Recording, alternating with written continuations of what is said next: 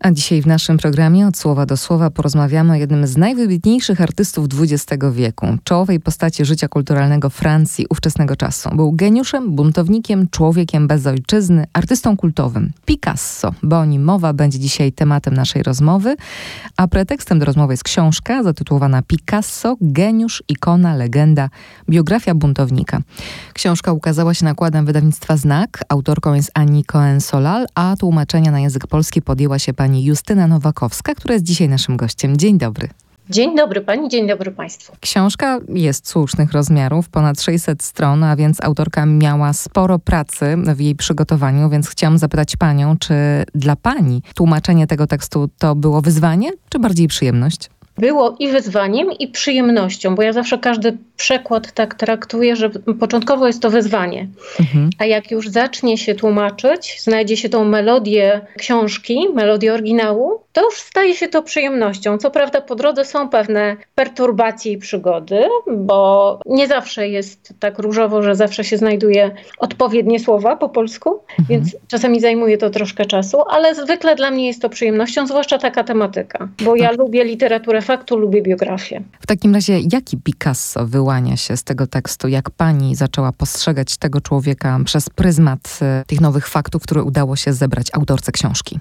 To jest dosyć złożona postać, taka nieoczywista, bo e, przyklejamy mu pewne łatki, tak? Jest artystą, jest geniuszem, nawet tak jak w podtytule e, zaproponowanym przez wydawnictwo, był buntownikiem, był artystą awangardowym, ale tak na dobrą sprawę autorka pokazuje jego z troszeczkę innej strony i to było chyba najbardziej ciekawe w tej książce, że to spojrzenie jej jest takie ożywcze, nowe, bo można napisać wiele na temat Picassa i każdą nową biografię będziemy traktować troszeczkę tak e, z przymrużeniem oka, bo pojawiło się na rynku coś nowego, ale może nie będziemy do tego sięgać, bo to znowu będą te same rzeczy. Mhm. Tu nie ma tych samych rzeczy, bo autorka poświęciła bardzo dużo czasu na przekopanie archiwów i pokazuje nam inne oblicze Picassa. Picassa jako e, cudzoziemca i to jest takie spojrzenie bardzo wnikliwe na niego, jak ta łatka cudzoziemca stała się dla niego stygmatem i jak go naznaczyła i jak on sobie z tym radził przez całe życie. No właśnie, to jest bardzo ciekawy wątek i trzeba tutaj jeszcze wrócić do samego początku książki, która rozpoczyna się od y, właśnie zajrzenia do kartoteki policyjnej, w której znalazło się sporo informacji o Picassie. Początek jak z dobrego thrillera. Ja lubię takie książki, bo już jak tłumaczyłam o człowieku w żelaznej masce, to też było takie śledztwo i grzebanie w archiwach przez autora. A tutaj Aniko Enculel rzeczywiście pojechała do e, archiwów prefektury paryskiej. No i jak to w archiwach? Zakurzone teczki, pudła. I to, co tam znalazła, zaskoczyło ją samą, bo okazuje się, że życie pisze o wiele ciekawsze scenariusze niż możemy sobie wyobrazić. I Picasso, który przybył do Paryża w 1900 roku na wystawę światową, już niedługo później miał założoną kartotekę. Tylko dlatego, że był cudzoziemcem, tylko dlatego, że trafił na Montmartre i tam zamieszkał u e, znajomych katalończyków i poruszał się w tych kręgach, a to były kręgi podejrzane dla paryskiej policji. Więc automatycznie został tak jakby wciągnięty przez policję do tych swoich papierów i kartotek, ale on o tym nie wiedział. I nie dowiedział się bardzo długo, bo musiał się tylko zgłaszać na policję i odnawiać, e, podawać e, swój aktualny adres zamieszkania. Później w 1917 musiał wystąpić o dowód e, osobisty cudzoziemca, ale tak na dobrą sprawę nigdy się nie dowiedział, przynajmniej przez te początkowe lata, że ktoś coś na niego zbiera, że ktoś go obserwuje, że patrzy z kim się zadaje, co tworzy tak na dobrą sprawę sprawę. I te łatki do niego tak przylgnęły, i potem przesądziły na przykład o tym, że nie dostał obywatelstwa, tak? bo te akta i te teczki założone w 1901, w 1940 ktoś komuś podrzucił na biurko, no i przez to zapadła decyzja taka, jak zapadła. I mimo tego, że Picasso zdecydował się na taki krok i wystąpił o ten wniosek o naturalizację, spotkał się z decyzją odmowną. I tak na dobrą sprawę niewiele osób też wiedziało o tym, że on taki wniosek złożył, że chciał być w tym Francuzem oficjalnie, bo w latach II wojny światowej bardzo ułatwiłoby mu to życie. Było to mhm. oportunistyczne z jego strony, ale poniekąd można to zrozumieć. Przypominam sobie taki fragment, w którym autorka opisuje, że w zasadzie mógł to obywatelstwo otrzymać, ale to by mogło się wiązać z tym, że straci obywatelstwo to pierwotne. Tak, było coś takiego, mhm. a on e, złożył ten wniosek o naturalizację 3 kwietnia 1940 roku, kiedy poczuł się zagrożony tą wojną, bo tak na dobrą sprawę on siedział w swojej pracowni i czuł, że to, że nie jest e, Francuzem oficjalnie, bardzo mu przeszkadza, bo nie mógł wyjść, bo przez tą taką falę ksenofobii, takich wewnętrznych napięć, które się odbijały na relacjach Francuzów z obcokrajowcami, czuł to zagrożenie. Więc wtedy wystąpił rzeczywiście o ten wniosek. No wniosek został odrzucony. Potem po wielu latach, kiedy już Francja uznała, że tak jakby jest godny tego miana, bycia obywatelem, on już nie chciał tego obywatelstwa. Stwierdził, że on będzie, on będzie cudzoziemcem we Francji, będzie mieszkał. Nadal tak jak mieszka, bo to, było, to była jego ojczyzna z wyboru, ale nigdy się nie zdecydował przyjąć tego obywatelstwa oficjalnie wtedy, kiedy jemu je zaproponowano. No i tych różnych dziwnych historii w jego życiu było bardzo dużo. Też ciekawy jest ten wątek e, jego potomków, jego dzieci, które no, chciały otrzymać nazwisko po ojcu, ale też nie było to takie proste, ponieważ nie były z prawego łoża. Tak, ale Picasso bardzo dbał o te dzieci i starał się, żeby to było jakoś uregulowane prawnie, bo nawet e, sama autorka w jednym z wywiadów przyznała, że dlaczego na przykład Picasso nie wyjechał do Stanów Zjednoczonych w czasie II wojny światowej, bo miał rodzinę we Francji, mhm. miał dzieci. Tych dzieci jest czwórka. Co prawda każdy z inną partnerką, ale mimo wszystko. On um, czuł ten ciężar takiej tej urzędniczej Francji, z którą się musiał, e, musiał zderzać na wielu etapach swojego życia. Czy to chodziło o te sprawy takie obywatelskie, czy sprawy nazwiska dzieci, czy potem sprawy takie podatkowe zwykłe, tak jak na przykład ten podatek solidarnościowy po wojnie, który musiał zapłacić, czy potem na przykład e, jak wprowadzono ustawę o darowiznach, że można było rozliczać podatki przekazując na rzecz Skarbu Państwa francuskiego e, dzieła sztuki o wysokiej wartości wartości. Za każdym razem zderzał się z tą machiną urzędniczą i czasami odpuszczał, a czasami nie. Czasami ktoś mu gdzieś pomagał, tak jak na przykład był taki człowiek w jego życiu, który się nazywał André Level, który był trochę jego opiekunem, takim zarządcą administracyjno-prawnym, który czuwał nad tymi rzeczami. W ogóle Picasso e, bardzo umiejętnie dobierał sobie ludzi, z którymi przyszło mu iść przez życie. Na różnych etapach różne, ale potrafił tkać tą siatkę kontaktów i ją wykorzystywać. Był doskonałym strategiem, jeśli chodzi o to. Czy w czasie wojny, czy w czasie międzywojnia, czy nawet w, na samym początku, jak przyjechał do Paryża po raz pierwszy, bo on przyjechał z takim marzeniem, że mm, no, chce podbić to miasto, chce zostać artystą takim e, zaakceptowanym przez świat i wykorzystał na samym początku tą siatkę katalończyków. Później zaczął się mhm. otaczać Francuzami. I też jak wynika z tej książki, on miał świadomość swojego wielkiego talentu i faktu, że musi wyjechać poza swój kraj, by osiągnąć coś więcej, prawda? Tak, zwłaszcza, że ten Paryż na początku XX e, wieku działał na artystów jak magnes.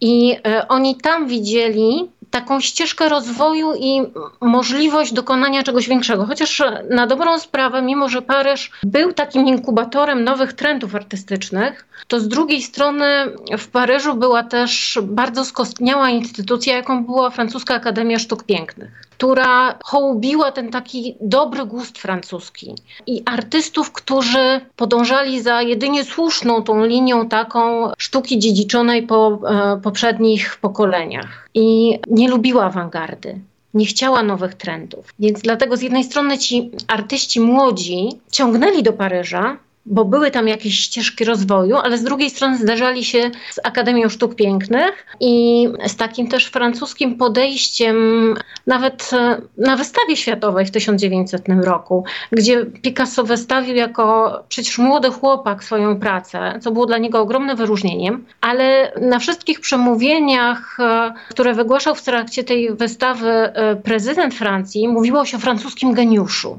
mimo że była to wystawa światowa, tak, czyli przeznaczona dla artystów z całego świata. Ale była mowa o francuskim geniuszu, o tym, co Francuzi zrobili dobrego dla sztuki i jak bardzo trzeba docenić to, co Francuzi robią, więc e, też tutaj jest troszeczkę echo tego i rykoszet tego, że był cudzoziemcem, tak? No Możesz właśnie. tworzyć u nas w kraju, ale najlepiej by było, jakbyś tworzył tak, jak my chcemy. Mhm. A Picasso chciał inaczej. I mimo, że Francuzem nie był, to jednak cały czas ten kraj właśnie reprezentował reprezentował ten kraj, ale Francja doceniła go bardzo późno, bo mimo, że on za granicą był artystą hołbionym, docenianym, jego dzieła były importowane, czy w okresie I wojny światowej, czy międzywojnia, to tak na dobrą sprawę i był we Francji doceniono go dopiero po wojnie, jak, jak te małe francuskie muzea z południa Francji zaczęły prosić o jego dzieła.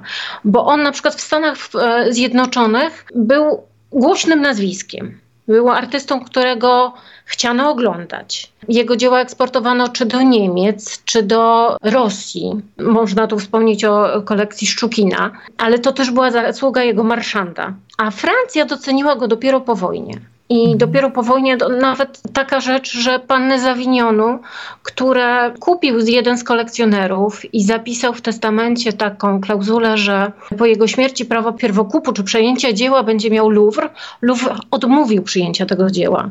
Więc potem wdowa po tym kolekcjonerze sprzedała panny Zawinionu i panny Zawinionu są w Ameryce. Więc to też jest jakieś znaczące, tak, że ta Francja doceniła go tak późno i tak późno uznała za swojego. Chcę jeszcze zapytać o ten moment, kiedy rodzi się nowy kierunek w sztuce, kiedy Picasso wymyśla kubizm i kiedy postanawia wyjechać ze swoim przyjacielem, żeby skupić się tylko i wyłącznie na twórczości i rozwijać to, co się właśnie narodziło. I tutaj pojawia nam się sporo ciekawych nowych wątków. Tak. Tak, bo mm, to tworzenie kubizmu, który był tak inny, było też takim dla Picassa wyścigiem, bo on y, rywalizował z brakiem. To był taki, taki, y, taka zabawa między nimi, tak? I oni tworzyli to bawiąc się. I y, Picasso, jak wyjechał do Gusol, żeby złapać oddech, wrócić z nową energią, stanąć na czele awangardy, bo to było jego e, marzenie. I kiedy już rzeczywiście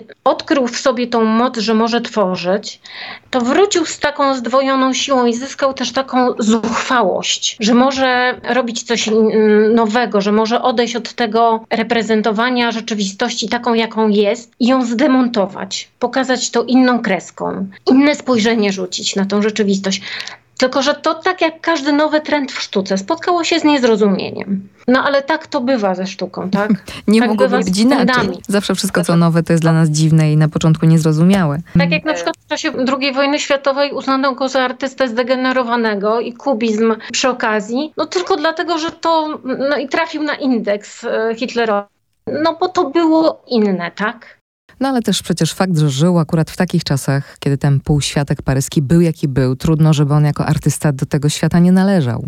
Tak, i mało tego, to on otaczał się, umiał przebywać wśród różnych ludzi, bo na początku swojej drogi przecież mieszkał w e, Bateau-Lavoir. To był taki, no, rudera, tak na dobrą sprawę, położona na Montmartre, gdzie spotykali się ludzie najróżniejszej maści.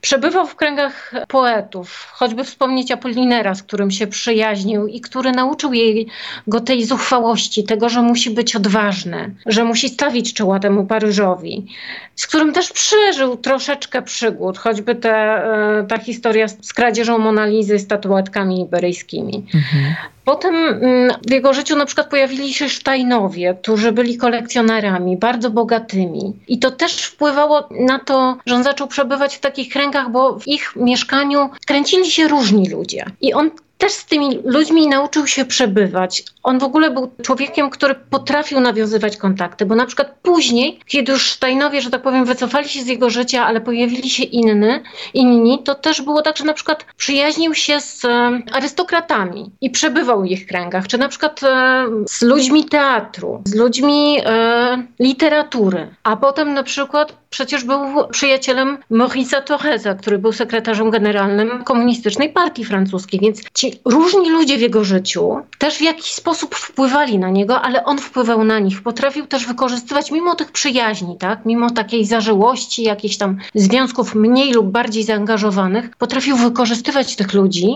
żeby rozwinąć swoją karierę, żeby popchnąć do przodu, żeby tworzyć więcej, żeby poszerzać to swoje imperium artystyczne, bo tak to trzeba nazwać, tak? Bo nie dość, że on był artystą wszechstronnym, tak? Ale potrafił sobie zdobywać kolejne terytoria i poszerzać je dalej. I troszeczkę był takim władcą też autorytarnym przecież, bo narzucał swoje zdanie. Tak? Też trzeba wziąć pod uwagę, że on nigdy nie wyrzucił niczego, co stworzył, więc to jego imperium nie dość, że pod takim względem symbolicznym było ogromne, to też było symboliczne pod względem, znaczy ogromne pod względem fizycznym, bo tych dzieł było mnóstwo i to były dzieła z różnych dziedzin sztuki. No i też w różnych stylach, prawda? Bo nie był wierny tylko jednemu, ale zmieniał to w zależności od okresu twórczości. Nie był wierny, ale to też zależało od momentu życiowego, tak? Bo jak już odszedł od kubizmu, potem był surrealizm, ale na przykład w czasach małżeństwa z baleriną, z Balerus, tak jakby wyciszył się troszeczkę. Potem na przykład podczas romansu z Dorą Mar zainteresował się fotografią. Ona go tym zachwyciła, tak? Ona nauczyła go pewnych technik i on wtedy z, tak jakby z człowieka, który trzyma pędzel w ręku, stał się obiektem, tak? bo ona go fotografowała, ona go fotografowała przy pracy. Więc to też było takie dla niego coś nowego, ale on w to wszedł i sprawiało mu to przyjemność. Autorka pisze przecież też o tym, że wszystkie kobiety jego życia w zasadzie miały bezpośredni wpływ na, na to, co się działo w jego sztuce wtedy. Tak, tak, było coś takiego, bo na przykład za czasów Marie-Thérèse Walter, to były czasy surrealizmu, widać było tą fascynację jej urodą. Ona, ona była dosyć specyficznej urody, bo była blondynką, była inna niż te jego kobiety poprzednie, więc to też odbijało się w tej sztuce i było widać w tej sztuce. Rozmawiałyśmy o tej jego emigracji, o tym, że wyjechał do Paryża i z Paryżem związał swoje życie, ale od swoich korzeni tak zupełnie się przecież nie odciął, bo tutaj trzeba powiedzieć, jak ważną rolę w jego życiu odgrywała matka. Tak, bardzo duże znaczenie miała jego matka. Ona pisała do niego cztery listy tygodniowo przez 40 lat. Czasami było tak, że pisała tylko ona. On odpowiadał od czasu do czasu. W czasach II wojny światowej e, ta korespondencja była troszeczkę bardziej zażyła, ale ona zawsze była. Ona była tą taką ostoją, tym takim filarem, który gdzieś tam z tyłu jest i też jakoś wpływa na to, jak on. E, jak on reaguje na świat i reaguje na kobiety. Gdzieś przeczytałam taki fragment, że nawet matka, nie pamiętam już której z jego partnerek, ale powiedziała, że ty nie będziesz z nim szczęśliwa. Więc ta matka gdzieś tam z tyłu jednak była. Ona była kobietą, może nawet nie zaborczą, ale uwielbiała swojego syna. To było widać po tych listach. Każdy z tych listów e, kończyła e, bardzo podobnymi sformułowaniami, że twoja mama cię całuje, przytula, tęskni za tobą i zawsze będzie z tobą. Nawet Ani Cohen-Solal mówiła, że jak odkryła te listy Marii, które pokazał jej e, pracownik muzeum, to było kilka pudeł z listami opieczętowanych e, stemplem Ministerstwa Kultury, to tak jakby odkryła też nową, nowe oblicze Picassa, tak? Bo z tych, z tych listów e, w gruncie rzeczy w większości jej, bo to ona była tak jakby dominująca w tej korespondencji, ale też wyłania się obraz syna, który no nie zawsze odpisywał matce, tak? Mhm. Troszeczkę traktował ją z dystansem.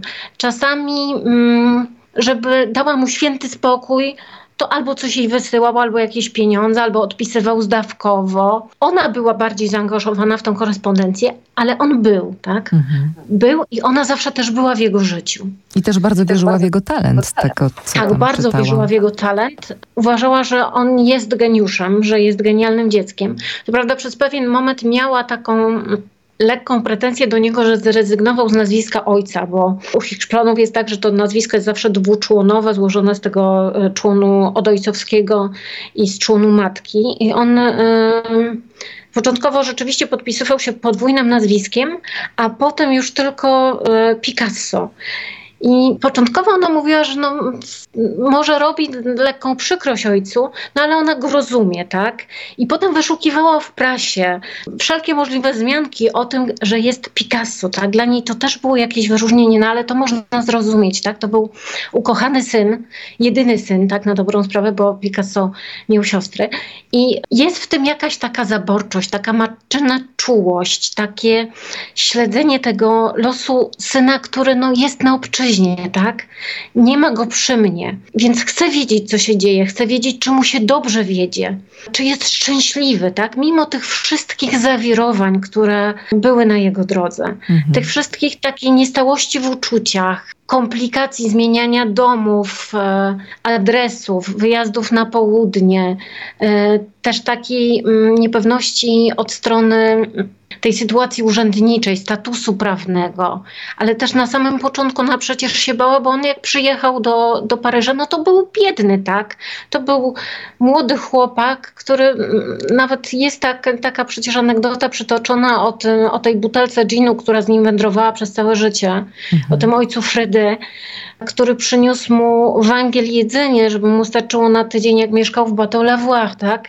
Ona też się martwiła o to, jak mu się wiedzie, tak? I tutaj na chwilę się zatrzymajmy, bo nie chcemy zdradzić wszystkiego, ale chcę panią jeszcze zapytać na koniec, no bo to nie jest pierwsza biografia Picassa, ale co w tej wersji panią zaskoczyło, zaintrygowało? Czy jest tutaj coś takiego, czego się pani nie spodziewała? Chyba najbardziej zaskoczył mnie właśnie ten e, wątek e, tej kartoteki mhm. i tego, że mm, jak łatwo jest człowiekowi przylepić łatkę, która się za nim ciągnie przez całe życie. Mimo, że na początku on o tym nie wie. I to jest troszeczkę tak jak stygmat, tak? Jak taki no, stempel w dokumencie, tak z napisem Hiszpan. Obcy, Mhm. E, ten inny. I to było dla mnie takie inne. Ja lubię w ogóle książki, w których jest taki wątek, gdzie ktoś coś szuka w dokumentach, i tu autorka rzeczywiście wykonała tytaniczną pracę, przeszukując wszystkie te papiery.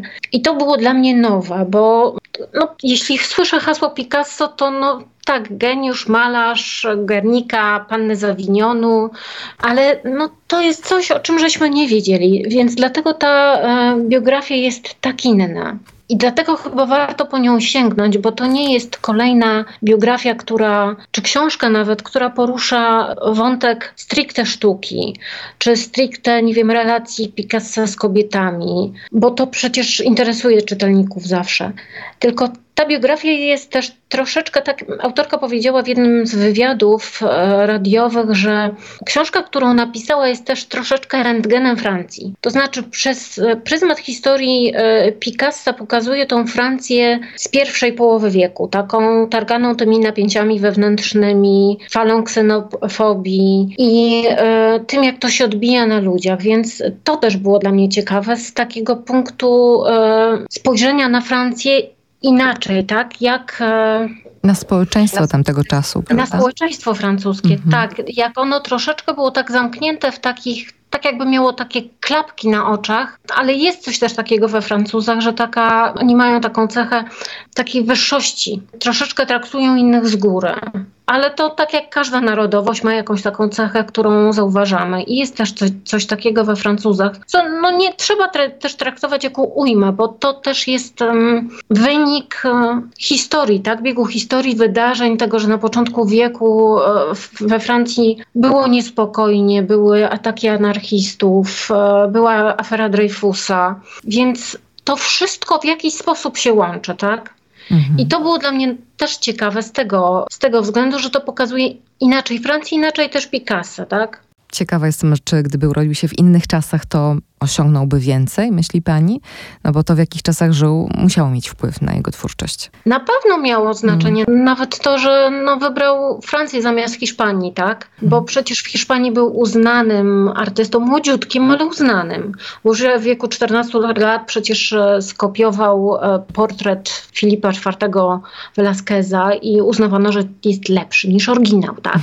Jego ojciec był dyrektorem Akademii Sztuk Pięknych hiszpańskiej, więc tam już miał jakąś jakąś wyrobioną pozycję, mimo że był młodziutki. Ale chciał czegoś więcej. Chciał więcej. Podejrzewam, że gdyby żył czy w naszych czasach, czy wcześniej, też chciałby więcej. Ale on też czerpał z tego dziedzictwa sztuki, bo uwielbiał chodzić do muzeów. On jak mm, na początku e, pobytu w Paryżu i tych pierwszych lat notorycznie chodził po muzeach. Odwiedzał i e, Muzeum w Louvre, i Muzeum w Pałacu Luksemburskim i przyglądał się tych, dziełom tych starych mistrzów. On zawsze prowadził z nimi dialog. Tylko, że chciał inaczej, tak? Chciał swoją wersję przedstawić. Nawet te takie nawiązania późniejsze, czy, czy do panien dworskich Velasqueza, e, czy do innych dzieł, czy na przykład to czerpanie też z, ze spuścizny Cezana, zawsze wracał do tych korzeni, tak? Tylko przedstawiał je przez swoje okulary, przez e,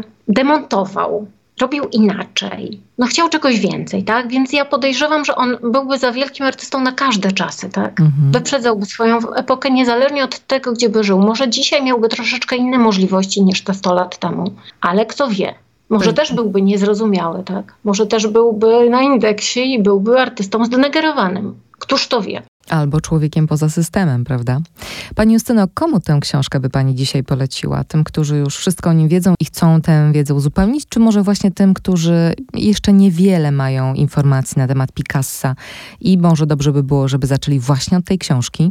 Myślę, że jednym i drugim, bo ci pierwsi odkryją jego nowe oblicze i taką nieznaną kartę jego historii, a ci drudzy może e, przeczytawszy tą książkę sięgną do innych książek na temat Picassa i przez, tą, przez to śledztwo e, autorki zainteresują się jego sztuką, która nie jest sztuką łatwą, ale można coś w niej znaleźć dla siebie.